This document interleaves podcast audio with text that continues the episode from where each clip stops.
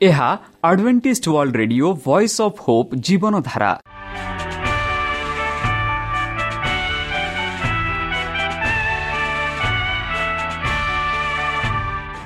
Odia radio କାର୍ଯ୍ୟକ୍ରମ ଯାହା ଆମର ଆନ୍ତର୍ଜାତୀୟ ଆଘାତ କେନ୍ଦ୍ରରୁ ପ୍ରସାରଣ କରାଯାଉଛି ପ୍ରତିଦିନ ରାତି ନଅଟା ତିରିଶ ମିନିଟ୍ରେ। ମୁଁ ସୁବ୍ରତ କୁମାର ପତି ପ୍ରେମର ସହ ଆପଣମାନଙ୍କୁ ଏହି କାର୍ଯ୍ୟକ୍ରମକୁ ସ୍ୱାଗତ କରୁଅଛି। ଚାଲନ୍ତୁ ଆଜିର ତିରିଶ ମିନିଟ୍ର କାର୍ଯ୍ୟକ୍ରମ ବିଷୟରେ ଜାଣିନେବା। ପ୍ରଥମେ ରଖିଛୁ ଆଧ୍ୟାତ୍ମିକ ଭକ୍ତିମୟ ଗୀତ। ଭକ୍ତଙ୍କଠାରୁ ଜୀବନଦାୟକ ଈଶ୍ୱରଙ୍କ ବାକ୍ୟ। ପ୍ରିୟ ଶ୍ରୋତା ତାହେଲେ ଚାଲନ୍ତୁ ଶୁଣିବା ଏକ ଆଧ୍ୟାତ୍ମିକ ଭକ୍ତିମୟ ଗୀତ।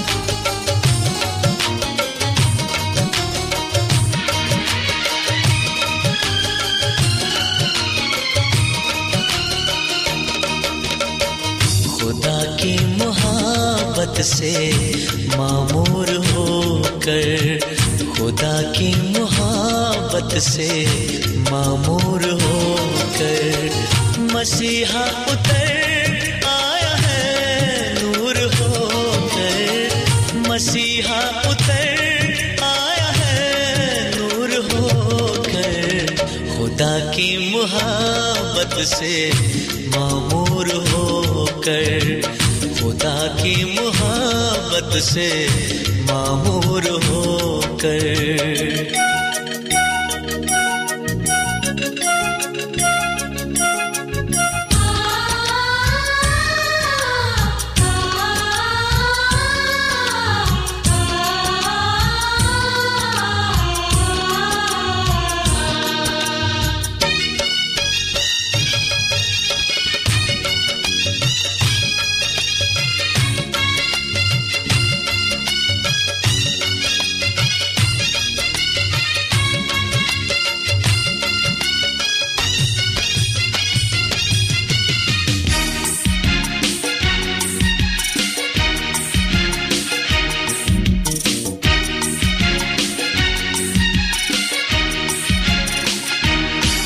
वो आया है अपने ही वादे की खातिर। लिया जन्म उसने कुआरी से आखिर। वो आया है अपने ही वादे की खातिर। लिया जन्म उसने कुआरी से आखिर। मुशीर और माल के अबदियत वही सलामती का भी शहजादा वही है। मुशीर और माल के अबदियत वही है। सलामती का भी शहजादा वही है। जहाँ की खुशी का ठिकाना नहीं है, किसी दिल गम का मोहब्बत से मामूर होकर, खुदा की मोहब्बत से मामूर होकर।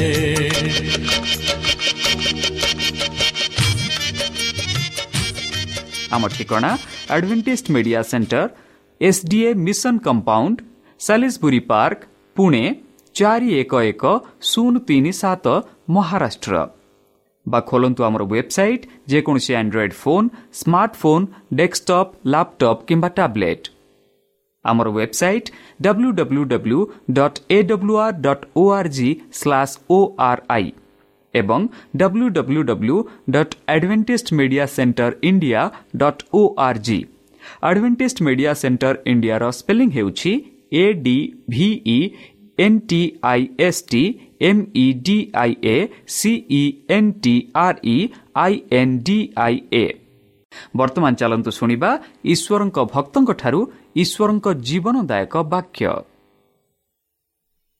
ଆତ୍ମା କ'ଣ ନମସ୍କାର ପ୍ରିୟ ଶ୍ରୋତା ସେହି ସର୍ବଶକ୍ତି ସର୍ବଜ୍ଞାନୀ ପ୍ରେମର ସାଗର ଦୟାମୟ ଅନ୍ତର୍ଜମୀ ଅନୁଗ୍ରହ ପରମ ପିତାଙ୍କ ମଧୁର ନାମରେ ମୁଁ ପାଷ୍ଟ ପୂର୍ଣ୍ଣଚନ୍ଦ୍ର ଆଉ ଥରେ ଆପଣମାନଙ୍କୁ ଏହି କାର୍ଯ୍ୟକ୍ରମରେ ସ୍ୱାଗତ କରୁଅଛି। ସେହି ସର୍ବଶକ୍ତି ପରମେଶ୍ୱର ଆପଣମାନଙ୍କୁ ଆଶୀର୍ବାଦ କରନ୍ତୁ। ଆପଣଙ୍କୁ ସମସ୍ତ ପ୍ରକାର ଦୁଃଖ କଷ୍ଟ ବାଧା କ୍ଲେଶ ଓ ରୋଗରୁ ଦୂରେଇ ରଖନ୍ତୁ। ଶତ୍ରୁ ସଚେତନ ହସ୍ତରୁ ସେ ଆପଣଙ୍କୁ ସୁରକ୍ଷାରେ ରଖନ୍ତୁ। ତାହାଙ୍କ ପ୍ରେମ ତାହାଙ୍କ ସ୍ନେହ ତାହାଙ୍କ କୃପା ତାହାଙ୍କ ଅନୁଗ୍ରହ ସଦାସର୍ବଦା ଆପଣଙ୍କଠାରେ ସହବର୍ତ୍ତୀ ରହୁ।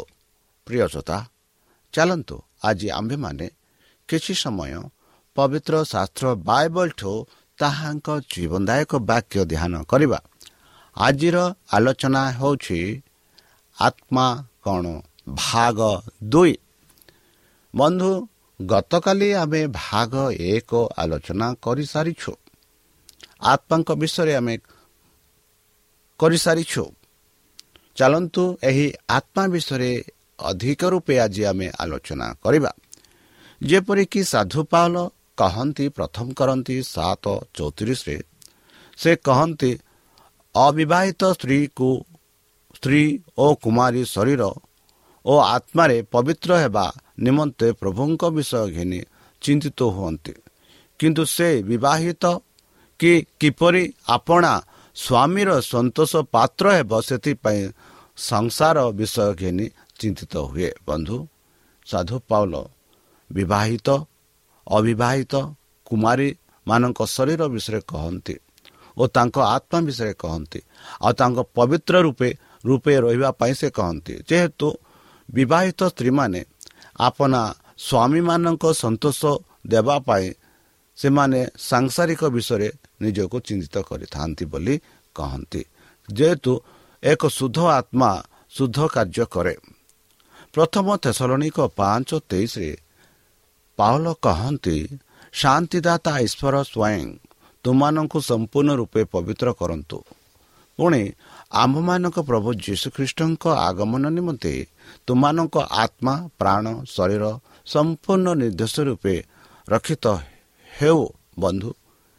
ସୁନ୍ଦର ଭାବରେ ସାଧୁ ପାଲ ଆମମାନଙ୍କୁ ବୁଝାଇ କହୁଛନ୍ତି କି ଆମର ଯେଉଁ ଶାନ୍ତିଦାତା ଈଶ୍ୱର ସ୍ୱୟଂ ସେ ଆମମାନଙ୍କୁ ସମ୍ପୂର୍ଣ୍ଣ ରୂପେ ପବିତ୍ର କରନ୍ତୁ।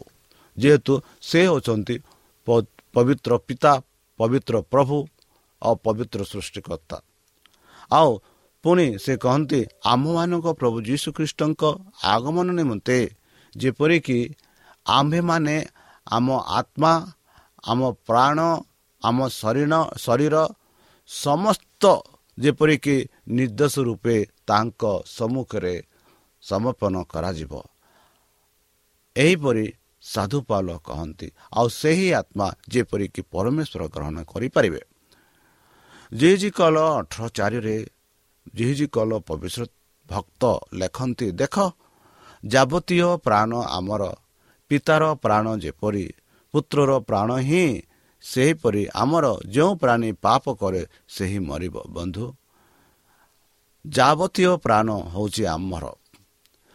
ପିତାର ପ୍ରାଣ ଯେପରି ପୁତ୍ର ପାଇଁ ହିଁ ସେହିପରି ପିତା ପରମେଶ୍ୱର ଯୀଶୁଖ୍ରୀଷ୍ଟ ତାଙ୍କ ପୁତ୍ରକୁ ଏହି ପୃଥିବୀକୁ ପ୍ରେରଣ କରିଥିଲେ। ଆଉ ଯେପରି ତାଙ୍କ ମୃତ୍ୟୁ ଦ୍ୱାରା ଆମେ ତାଙ୍କ ହୋଇଯାଉ ଯେପରି ପୁତ୍ର ତାଙ୍କର ଥିଲେ ଆମେମାନେ ମଧ୍ୟ ସେପରି ହୋଇପାରିବା। ଯେହେତୁ ଯଦି ସେହିପରି ହେବା ତାହେଲେ ଆମେ ସ୍ୱର୍ଗରାଜ ଯାଇପାରିବା। ଆଉ ଏଠି ଆମେ ପାଉଅଛୁ ଯେଉଁ ପ୍ରାଣୀ ପାପ କରେ ସେ ନିଶ୍ଚିତ ମରିବ। ସେ ସ୍ୱର୍ଗରାଜ ଯିବନି ସେ ମାଟିରେ ଲୀନ ହୋଇଯିବ ଆଉ ସେଇ ଆତ୍ମା କେବେ ପ୍ରଭୁଙ୍କ ଠାରେ ଯିବନି ଯାହେଲେ ଯେପରିକି ଗତ କାଲି ଆମେ ଆଲୋଚନା କରିଥିଲୁ ଆତ୍ମା ପରମେଶ୍ୱରଙ୍କର ଦେଇଛନ୍ତି। ଆଉ ମୃତ୍ୟୁ ଯେବେ ହେଉ ସେଇ ଆତ୍ମା ପରମେଶ୍ୱରକୁ ଚାଲିଯାଏ। ଯାକୁବ ପାଞ୍ଚ କୋଡ଼ିଏରେ ଆମେ ପାଉଛୁ ଏକ ସୁନ୍ଦର ଭାଷାରେ। ତେବେ ଯେ ପାପିକୁ ଭ୍ରାନ୍ତି ପଥରୁ ଫେରାଇ ଆଣେ ସେ ଯେ ତାହା ଆତ୍ମାକୁ ମୃତ୍ୟୁରୁ ରକ୍ଷା କରେ ଓ ବହୁତ ପାପ ଆଚ୍ଛାଦନ କରେ ଏହା ଜାଣ ବନ୍ଧୁ। ହୋଇପାରେ ଆମ ଦୈନନ୍ଦିନ ଜୀବନରେ ଆମ ଏହି ସାଂସାରିକ ଜୀବନରେ ଆମେ ଅନେକ ପାପ କରିଅଛୁ। ଆଉ ଏଠି ଆମେ ପାଉଛୁ ଯେବେ ସେ ପାପିକୁ ଭ୍ରାନ୍ତି ପଥରୁ ଫେରାଇ ଆଣେ ସେ ଯେ ବାହାର ଆତ୍ମାକୁ ମୃତ୍ୟୁରୁ ରକ୍ଷା କରେ ବୋଲି ଆମେ ପାଉଛୁ। ଓ ବହୁତ ପାପ ଆଚ୍ଛାନର କରେ ଏହା ଆମେ ଜାଣୁ ବୋଲି କହୁଛୁ। ଆୟୁବ ଭବିଷ୍ୟତ ଭକ୍ତା କହନ୍ତି ଆୟୁବ ସାତ ପନ୍ଦରରେ ତେଣୁ ମୋହର ପ୍ରାଣ ମୋହର ଏହି ଅସ୍ଥି ଅପେକ୍ଷା ଶ୍ୱାସରୋଧ ଓ ମରଣ ପସନ୍ଦ କରେ ବନ୍ଧୁ କେଡ଼େ ସୁନ୍ଦର ଭାବରେ ଆୟୁବ କହନ୍ତି ମୋର ପ୍ରାଣ ମୋର ଏହି ଅସ୍ଥି ଅପେକ୍ଷା ଶ୍ୱାସରୋଧ ଓ ମରଣ ପସନ୍ଦ କରେ ବୋଲି ସେ କହନ୍ତି ଆଦି ଚାରି ଆଠ ଦଶରେ ଆମେ ପାଉଅଛୁ ଯାହାକି କୈନଙ୍କ ବିଷୟରେ ଆମେ ପାଉ। ଅନନ୍ତର କୈନ ଆପଣା ଭାଇ ହେବଲ ସହିତ କଥାବାର୍ତ୍ତା କଲେ। ତହିଁ ସେମାନେ କ୍ଷେତ୍ରରେ ଥିବା ବେଳେ କୈନ ଆପଣା ଭାଇ ହେବଲକୁ ଆକ୍ରମଣ କରି ବୋଧ କଲେ। ଅନନ୍ତର ସଦାପ୍ରଭୁ କୈନକୁ ପଚାରିଲେ ତୁମ ଭାଇ ଖେବଲ କେଉଁଠାରେ? ସେ କହିଲେ ମୁଁ ଜାଣେ ନାହିଁ। ମୁଁ କ'ଣ ମୋ ଭାଇର ରକ୍ଷକ? ସେ କହିଲେ ତୁମ୍ଭେ କ'ଣ କରିଅଛ? ତୁମର ଭାଇର ରକ୍ତ ଭୂମିରୁ ଆମ ପ୍ରତି ଡାକ ପକାଉଅଛି। ବନ୍ଧୁ ପ୍ରଥମ ହତ୍ୟାର କାହାଣୀ ଆମେ ପାଉଅଛୁ। ପରମେଶ୍ୱର ହତ୍ୟାରୀ ପରମେଶ୍ୱର ବେବିଚାରୀ ପରମେଶ୍ୱର ଯିଏକି ଅନ୍ୟାୟ ଲୋକ କରନ୍ତି ସେମାନଙ୍କୁ କେବେ ହେଲେ ସ୍ୱର୍ଗରାଜକୁ ନିଅନ୍ତି ନାହିଁ। ଯେପରିକି ପ୍ରାଥମିକ ହତ୍ୟା ନିଜ ଭାଇକୁ ହତ୍ୟା କରିଥିଲେ ଆଉ ପରମେଶ୍ୱର ସେହି ହତ୍ୟାକାରୀକୁ ପ୍ରଶ୍ନ କରୁଛନ୍ତି ପଚାରୁଛନ୍ତି କି ତୁମର ଭାଇ ହେବଲ କେଉଁଠାରେ? ଆଉ ଦେଖନ୍ତୁ ହେବଲ କହିନ କିପରି ଉତ୍ତର ଦିଅନ୍ତି ମୁଁ କ'ଣ ମୋ ଭାଇର ରକ୍ଷକ? ଆଉ ସଦାପ୍ରଭୁ ସେହି ପ୍ରଶ୍ନର ଉତ୍ତର ଦେଉନ୍ତି ଦେଉଛନ୍ତି ସେ କହନ୍ତି ତୁମର ଭାଇର ରକ୍ତ ଭୂମିରୁ ଆମ ପ୍ରତି ଡାକ ପକାଉଛନ୍ତି। ବନ୍ଧୁ ଧାର୍ମିକ ଲୋକଙ୍କ ରକ୍ତ ଦୁଇ ଧାର୍ମିକ ଲୋକ ମୃତ୍ୟୁ ହୁଅନ୍ତି ସେମାନଙ୍କୁ ସଦାପ୍ରଭୁ ଛାଡ଼ନ୍ତି ନାହିଁ। ସେମାନେ ସେହି ପୁନରିତ ଦିନ ପାଙ୍କୁ ଅପେକ୍ଷା କରନ୍ତି। ଆଉ ପାପୀମାନେ ଯେମାନେ ମୃତ୍ୟୁ ହୁଅନ୍ତି ସେ ମୃତ୍ୟୁରେ ରୁହନ୍ତି ବୋଲି ଆମେ ଦେଖୁଅଛୁ। ଏଭ୍ରି ପୁସ୍ତକ ସାଧୁ ପାଉଲ ଏଭ୍ରି ପୁସ୍ତକରେ ଲେଖନ୍ତି ଏଗାର ଚାରିରେ ବିଶ୍ୱାସ ଦ୍ୱାରା ହେବଲ ଈଶ୍ୱରଙ୍କ ଛାମରେ କଇନ ଅପେକ୍ଷା ଉତ୍କୃଷ୍ଟ ବୋଲି ଉତ୍ସର୍ଗ କଲେ ଓ ତଦ୍ୱାରା ସେ ଧାର୍ମିକ ବୋଲି ସାକ୍ଷା ପାଇଲେ ଈଶ୍ୱର ନିଜେ ତାଙ୍କ ଦାନ ସମ୍ବନ୍ଧରେ ସାକ୍ଷା ଦେଲେ ଆଉ ସେ ମୃତ୍ୟୁ ହେଲେ ହେଁ ବିଶ୍ୱାସ ଦ୍ୱାରା ଆଜି ପର୍ଯ୍ୟନ୍ତ କଥା କହୁଛନ୍ତି ବନ୍ଧୁ ଦେଖନ୍ତୁ କେଡ଼େ ସୁନ୍ଦର ଭାବରେ ପବିତ୍ର ଶାସ୍ତ୍ର ବାଇବଲମାନଙ୍କୁ ବୁଝାଇ କହୁଅଛନ୍ତି କହୁଅଛି କି ହେବଲ ଈଶ୍ୱରଙ୍କଠାରେ ବିଶ୍ୱାସ କଲେ କଇନ ଈଶ୍ୱରଙ୍କଠାରେ ବିଶ୍ୱାସ କଲେ ନାହିଁ। ବିଶ୍ୱାସ ଦ୍ୱାରା ହେବଲ ଈଶ୍ୱରଙ୍କ ଛାମରେ କଇନ ଅପେକ୍ଷା ଉତ୍କୃଷ୍ଟ ବୋଲି ଉତ୍ସର୍ଗ ଦେଲେ। ପରମେଶ୍ୱରଙ୍କୁ ଯେଉଁ ବୋଲି ଇଚ୍ଛା ଥିଲା ପରମେଶ୍ୱର ଯେଉଁ ବୋଲି ଇଚ୍ଛା କରୁଥିଲେ ପରମେଶ୍ୱର ଯେଉଁ ବଲି ଦେବା ପାଇଁ କହିଥିଲେ ସେହିପରି ହେବଲ କଲେ। ଆଉ ତାଙ୍କ ବୋଲି ପରମେଶ୍ୱର ଗ୍ରହଣ କଲେ। ଆଉ ତାହା ଦ୍ୱାରା ହେବଲ ଧାର୍ମିକ ରୂପେ ଗଣନା କରାଗଲା। ଦେଖନ୍ତୁ ଈଶ୍ୱର ନିଜେ ତାଙ୍କ ଦାନ ସମ୍ବନ୍ଧରେ ସାକ୍ଷା ଦେଲେ ମାନେ ପରମେଶ୍ୱର ସେହି ଦାନ ବିଷୟରେ ସାକ୍ଷା ଦେଲେ। ଆଉ ସେ କହୁଅଛନ୍ତି କି ମୃତ୍ୟୁ ହେଲେ ହେଁ ହେବଲ ମୃତ୍ୟୁ ହେଲେ ମଧ୍ୟ ଆଜି ପର୍ଯ୍ୟନ୍ତ ତାଙ୍କ କଥା ଆମେ କହୁଅଛୁ। ଯେହେତୁ ସେ ଈଶ୍ୱରଙ୍କ ସମ୍ମୁଖରେ ଧାର୍ମିକ ଗଣନା କରାଗଲେ। ବନ୍ଧୁ ଯଦି ଆମେ ସେହି ଈଶ୍ୱରଙ୍କ ସମ୍ମୁଖରେ ଧାର୍ମିକ ଗଣନା ଯିବା। ଯେପରି ଆମେ ଆଦବଙ୍କ ବିଷୟରେ ଆମେ ଦେଖୁଅଛୁ ଆଦବଙ୍କର ବୟସ ସର୍ବସୁଦ୍ଧା ନଅଶହ ତିରିଶ ବର୍ଷ ଥିଲା ତ ସେ ବଲେ। ବନ୍ଧୁ ଆଦମ ପରମେଶ୍ୱରଙ୍କ ପ୍ରଥମ ନିର୍ମିତ ମଣିଷ ଆଦମ ପରମେଶ୍ୱରଙ୍କ ନିଜ ଶ୍ୱାସର ପ୍ରଦାନ ପାଇଥିବା ମନୁଷ୍ୟ ଆଦମ ପ୍ରଥମ ବ୍ୟକ୍ତି ଯେ କି ପରମେଶ୍ୱରଙ୍କ ସହ ମୁଖାମୁଖି କଥାବାର୍ତ୍ତା ହେଉଥିଲେ ଆଦମ ପ୍ରଥମ ବ୍ୟକ୍ତି ଥିଲେ ଯିଏକି ପରମେଶ୍ୱରଙ୍କ ସହ ସେ ଭୁଲୁଥିଲେ କଥାବାର୍ତ୍ତା ହେଉଥିଲେ ଆଉ ଦେଖିପାରୁଥିଲେ। ଆଉ ସେହି ବ୍ୟକ୍ତି ପବିତ୍ର ଶାସ୍ତ୍ର ବାଇବଲ ଆମମାନଙ୍କୁ କୁହେ କି ସେ ନଅଶହ ତିରିଶ ବର୍ଷ ବଞ୍ଚିଥିଲେ। ପରମେଶ୍ୱର ତାଙ୍କୁ ସେହିପରି ଆଶୀର୍ବାଦ କଲେ। ଯଦି ଆପଣମାନେ ଆଦି ପାଞ୍ଚ ପର୍ବ ସାରା ପର୍ବ ପଢ଼ିବେ ଆମ ଯେଉଁ ତାଙ୍କ ଆଦମଙ୍କର ବଂଶ ପ୍ରାୟ ଲୋକେ ଶହେଠୁ ଅଧିକ ବର୍ଷ ବସିଲେ। ପାଞ୍ଚଶହ ଛଅଶହ ସାତଶହ ଆଠଶହ ନଅଶହ ଅଠଷଠି ଅଣସ୍ତରୀ ପର୍ଯ୍ୟନ୍ତ ବଞ୍ଚିଲେ। ଯେପରି ନୂଆ ମଧ୍ୟ ନୂଆ ମଧ୍ୟ ଛଅଶହ ବର୍ଷ ବଞ୍ଚିଲେ ବୋଲି ଆମେ ଦେଖୁଅଛୁ। ବନ୍ଧୁ ଆଜି ସାତ ଏକଠୁ ତେଇଶରେ ଆମେ ପାଉଛୁ ଯାହାକି ନଅଙ୍କ କାହାଣୀ ବିଷୟରେ ସେଠି ଆମେ ପାଉଛୁ ଅନନ୍ତର ସଦାପ୍ରଭୁ ନହଙ୍କୁ କହିଲେ ତୁମେ ସପରିବାରର ଜାହାଜରେ ପ୍ରବେଶ କର କାରଣ ଏହି କାଳର ଲୋକମାନଙ୍କ ମଧ୍ୟରେ ଆମେ ଆପଣା ସାକ୍ଷାତରେ ତୁମକୁ ଧାର୍ମିକ ଦେଖିଲୁ ଦେଖନ୍ତୁ ବନ୍ଧୁ ସେହି ସମୟରେ ନୂଆ ବାସ କରୁଥିଲେ ନହଙ୍କ ଜୀବନରେ ସଦାପ୍ରଭୁଙ୍କ କାର୍ଯ୍ୟ କରୁଥିଲେ ସେବା କରୁଥିଲେ ଆଉ ସଦାପ୍ରଭୁ ତାଙ୍କୁ ଧାର୍ମିକ ରୂପେ ଗଣନା କଲେ। ଆଉ ଯେତେ ସେହି ସମୟରେ ଯେତେ ଲୋକ ବାସ କରୁଥିଲେ ପରମେଶ୍ୱରଙ୍କ ବିରୁଦ୍ଧରେ କାର୍ଯ୍ୟ କରୁଥିଲେ। ଆଉ ଏଠି ଆମେ ପାଉଅଛୁ କି ଅନନ୍ତର ସଦାପ୍ରଭୁ ପରମେଶ୍ୱର ନହଙ୍କୁ କହିଲେ କି ତୁମେ ସହ ପରିବାର ସେହି ଜାହାଜ ଭିତରକୁ ପ୍ରବେଶ କର। କାରଣ ଏ କାରଣ ଲୋକ ସମସ୍ତେ ତାଙ୍କ ବା ଆମ ସାକ୍ଷାତରେ ବହୁତ ଅଧାର୍ମିକ କାମ କରିଛନ୍ତି। ଆଉ ତୁମେ ଧାର୍ମିକ ହେତୁ ଏହି ଜାହାଜରେ ପ୍ରବେଶ କର। ଆଉ ସେ କହନ୍ତି ଆଉ ପୃଥିବୀର ବଂଶ ରକ୍ଷା କରିବା ପାଇଁ ପ୍ରତ୍ୟେକ ସୂଚୀ ପଶୁ ଜାତିର ସାତ ସାତ ଦମ୍ପତି ଓ ପ୍ରତ୍ୟେକ ଅସୂଚୀ ପଶୁ ଜାତିର ଏକ ଏକ ଦମ୍ପତି। ଦେଖନ୍ତୁ ବନ୍ଧୁ ଈଶ୍ୱରଙ୍କ ଇଚ୍ଛା ଈଶ୍ୱରଙ୍କ ଯୋଜନା ସମସ୍ତ ପଶୁ ପକ୍ଷୀ ବଞ୍ଚେଇ ରଖିବା ପାଇଁ ପରମେଶ୍ୱର ନହଙ୍କୁ ଆଦେଶ ଦିଅନ୍ତି କି ପ୍ରତ୍ୟେକ ସାତ ସାତ ଦମ୍ପତି। ଆଉ ସେଇ ସାତ ସାତ ଦମ୍ପତି ହେଉଛନ୍ତି ସୂଚୀ ଦମ୍ପତି ସୂଚୀ ପଶୁ ପକ୍ଷୀ। ଆଉ ପ୍ରତ୍ୟେକ ଏକ ଏକ ଦମ୍ପତି ଅସୁଚି ପଶୁ ଜାତିର। ଏହି ସମସ୍ତଙ୍କୁ ସଂଗ୍ରହ କରି ସେହି ଜାହାଜରେ ରଖିବା ପାଇଁ ସଦାପ୍ରଭୁ ପରମେଶ୍ୱର ନହଙ୍କୁ କହିଲେ। ପ୍ରତ୍ୟେକ କ୍ଷେତ୍ର ପକ୍ଷୀ ଜାତିର ସାତ ସାତ ଦମ୍ପତି ଆପଣା ସଙ୍ଗରେ ନିଅ। ଯେହେତୁ ସେ ଯେହେତୁ ସାତ ଦିନ ଉତ୍ତାରେ ଆମ୍ଭେ ଚାଳିଶ ଦିବାରାତ୍ର ପୃଥିବୀରେ ବୃଷ୍ଟି କରାଇବା।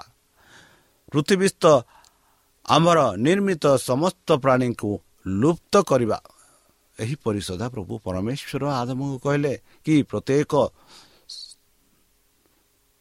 ଦମ୍ପତି ସୂଚୀ ପଶୁରୁ ହାତ ହାତ ଦମ୍ପତି ଆଉ ପ୍ରତ୍ୟେକ ଅଶୁଚି ପଶୁରୁ ଏକ ଏକ ଦମ୍ପତି ସଂଗ୍ରହ କରି ସେହି ଜାହାଜ ଭିତରକୁ ନିଅ ଆଉ ସେମାନଙ୍କୁ ବଞ୍ଚାଇ ରଖ। କାରଣ ମୁଁ ସାତ ଦିନ ପରେ ଏହି ପୃଥିବୀରେ ଚାଳିଶ ଦିନ ଚାଳିଶ ରାତି ବର୍ଷାଇବା ଆଉ ଏହି ପୃଥିବୀକୁ ଜଳପ୍ଲାବନ ଆଣିବା ନଷ୍ଟ କରିବା ଆଉ ଆମେ ପାଉଛୁ ବନ୍ଧୁ ନ ସଦାପ୍ରଭୁଙ୍କ ଅନୁସାରେ ସବୁ କର୍ମ କଲେ।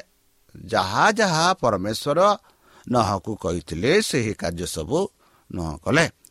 ନହଙ୍କ ଛଅଶହ ବର୍ଷ ସମୟରେ ସମୟରେ ପୃଥିବୀ ଉପରେ ଜଳପ୍ଲାବନ ହେଲା।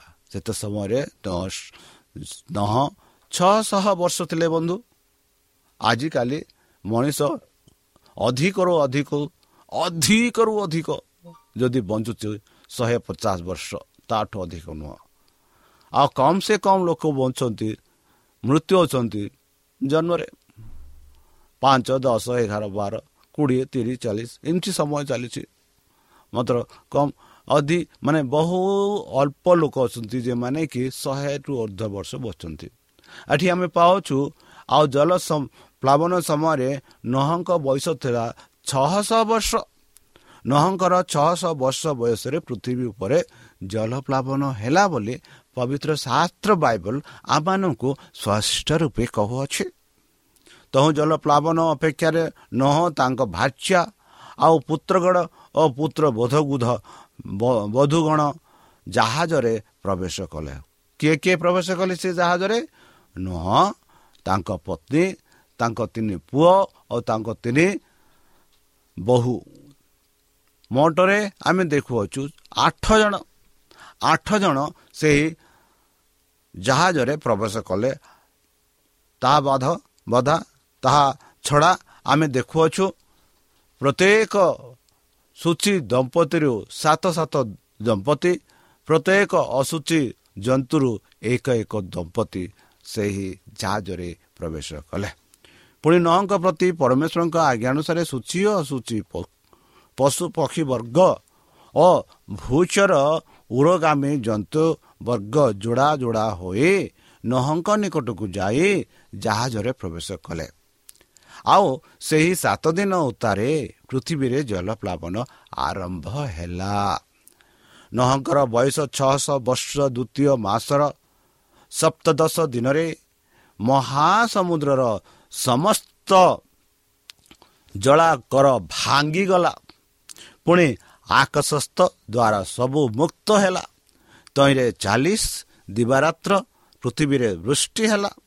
ସେହି ଦିନରେ ନୁହଁ ପୁଣି ଶେଷ ସେମ୍ ପୁଣି ସେମ୍ ଓ ହାମ୍ ଓ ଜପତ ନାମକ ନହଙ୍କ ପୁତ୍ରମାନେ ଆଉ ସେମାନଙ୍କ ସହିତ ନହଙ୍କର ଭାଜ୍ୟା ଓ ତିନି ପୁତ୍ର ବଧୂ ଜାହାଜରେ ପ୍ରବେଶ କଲେ।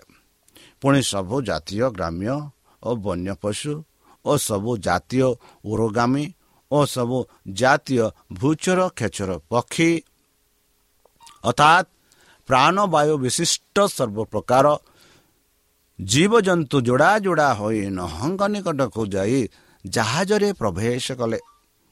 ପରମେଶ୍ୱରଙ୍କ ଆଜ୍ଞା ଅନୁସାରେ ସର୍ବପ୍ରକାର ପ୍ରାଣୀ ଦମ୍ପତି କ୍ରମେ ପ୍ରବେଶ କଲେ। ତହୁଁ ସଦାପ୍ରଭୁ ତାଙ୍କ ପାର୍ଶ୍ୱ ଦ୍ୱାରା ବନ୍ଦ କଲେ। ଅନନ୍ତର ଚାଳିଶ ଦିନ ପର୍ଯ୍ୟନ୍ତ ପୃଥିବୀରେ ଜଳପ୍ଲାବନ ହେଲା। ପୁଣି ଜଳ ବଢ଼ୁ ବଢ଼ୁ ଜାହାଜ ଭୂମିକି ଛାଡ଼ି ଭାସି ଉଠିଲା। ଆଉ ପୃଥିବୀରେ କ୍ରମସ୍ତ ଜଳ ପ୍ରବଳ ହୋଇ ଅତିଶୟ ବୁଡ଼ୁ ବୁଡ଼ୁ ଜାହାଜ ଜଳ ଉପରେ ଚାଲିଲା। ପୃଥିବୀ ଉପରେ ଜଳ ଅତିଶୟ ବଢ଼ି ଆକାଶ ଜଳସ୍ଥ ସବୁ ଉଚ୍ଚ ପର୍ବତ ମଗ୍ନ କଲା।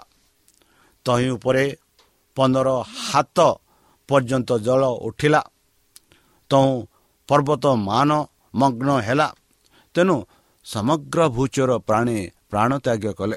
ଅର୍ଥାତ୍ ପକ୍ଷୀ ଗ୍ରାମ୍ୟ ଓ ବନ୍ୟପଶୁ ଓ ପୃଥିବୀରେ ଗମନଶୀଳ ଉରଗାମୀ ଜନ୍ତୁ ଓ ପ୍ରତ୍ୟେକ ମଣିଷ ଆଉ ସୁଷ୍ଠ ଭୂମିସ୍ଥ ଯେତେ ପ୍ରାଣୀର ନାସିକାରେ ପ୍ରାଣବାୟୁ ଥିଲା ସମସ୍ତେ ମଳେ ଏହି ରୂପେ ପୃଥିବୀର ଉପସ୍ଥିତିର ସମୁଦାୟ ପ୍ରାଣୀ ଲୁପ୍ତ ହେଲେ ଅର୍ଥାତ୍ ମଣିଷ ପଶୁ ଉରଗାମୀ ଜନ୍ତୁ ଖେଚର ପକ୍ଷୀ ସମସ୍ତେ ପୃଥିବୀରୁ ଲୁପ୍ତ ହେଲେ କେବଳ ନୁହଁ ଓ ଜାହାଜସ୍ଥ ତାଙ୍କ ସଙ୍ଗୀ ସମସ୍ତେ ବଞ୍ଚିଲେ ବନ୍ଧୁ ଏହା ପବିତ୍ର ଶାସ୍ତ୍ର ବାଇବଲମାନଙ୍କୁ କହୁଅଛି ଯେତେ ଲୋକ ପରମେଶ୍ୱରଙ୍କଠାରେ ବିଶ୍ୱାସ କରୁଥିଲେ ସେମାନେ ଜାହାଜରେ ପ୍ରବେଶ କଲେ ଆଉ ବର୍ତ୍ତମାନ ଯେତେ ଲୋକ ଯୀଶୁଖ୍ରୀଷ୍ଟଙ୍କଠାରେ ବିଶ୍ୱାସ କରିବେ ଯେବେ ଯୀଶୁଖ୍ରୀଷ୍ଟ ଏହି ପୃଥିବୀକୁ ଆସିବେ ସେତେବେଳେ ଆମେ ଯେତେ ବଞ୍ଚିତ ଅଛୁ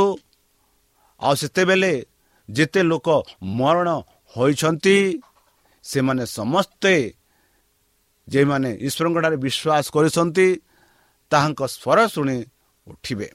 ଉଠି ତାହାଙ୍କ ସହ ସେହି ସ୍ୱର୍ଗ ରାଜ୍ୟକୁ ଯିବେ।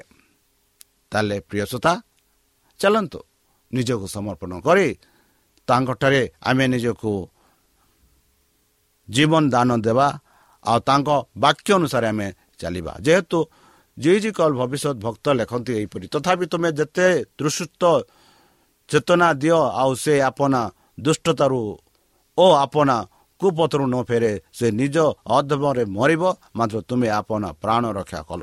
ବନ୍ଧୁ ସଦାପ୍ରଭୁ ପରମେଶ୍ୱର ଯୀଶୁଖ୍ରୀଷ୍ଟଙ୍କ ଦ୍ୱାରା ଆମମାନଙ୍କୁ କହୁଅଛନ୍ତି ତାଙ୍କଠାରେ ବିଶ୍ୱାସ କର।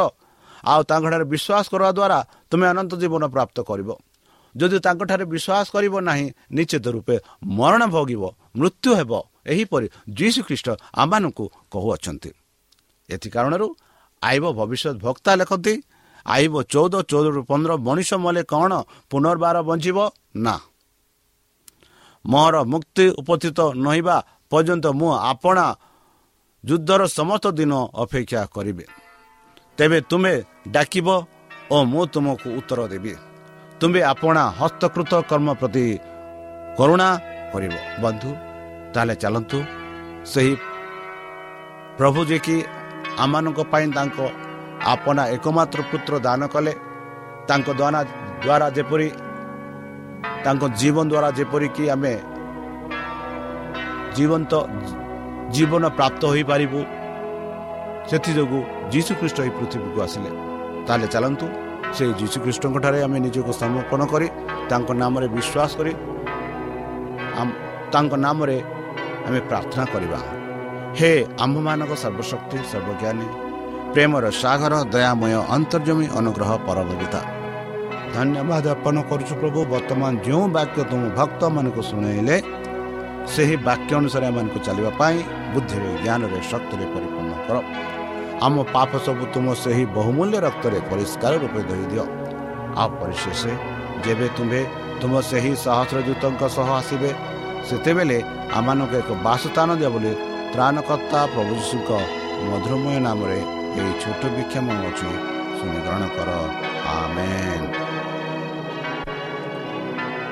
প্রিয় শ্রোতা আমি আশা করুছু যে আমার কার্যক্রম আপনার পসন্দ লাগুব আপনার মতামত পাই আমার এই ঠিকার যোগাযোগ করতু আমার advantage media centre SDA mission compound সাি park Pune চারি এক এক শূন্য তিন সাত মহারাষ্ট্র বা ଖୋଲନ୍ତୁ ଆମର ୱେବସାଇଟ୍ ଯେକୌଣସି android phone smartphone desktop laptop କିମ୍ବା ଟ୍ୟାବ୍ଲେଟ୍ ଆମର website W W W dot A W R dot O R G slash O R I ଏବଂ W W W dot Adventist media centre India dot O R G Adventist media centre ଇଣ୍ଡିଆର spelling ହେଉଛି A D V E V E N T I S T M E D I A C E N T R E I N D I A ଅଥବା download କରନ୍ତୁ ଆମର mobile app ଆପଣଙ୍କର mobile play ଷ୍ଟୋରକୁ ଯାଆନ୍ତୁ ଆଉ type କରନ୍ତୁ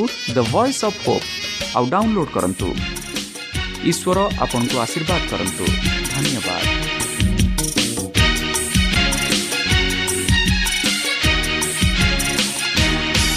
दोबारा वो आएगा, आदिल बनेगा। वो गमगी दिल को मुनवर करेगा। दोबारा वो आएगा, आदिल बनेगा। वो गमगी दिल को मुनवर करेगा। हुजूर उसके तब शाद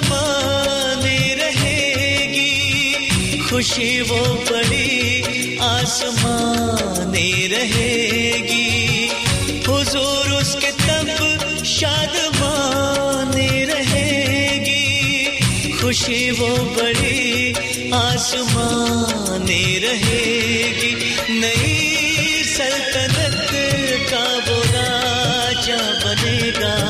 सदाकत से तख्त को संभाले रहेगा। खुदा की मुहब्बत से।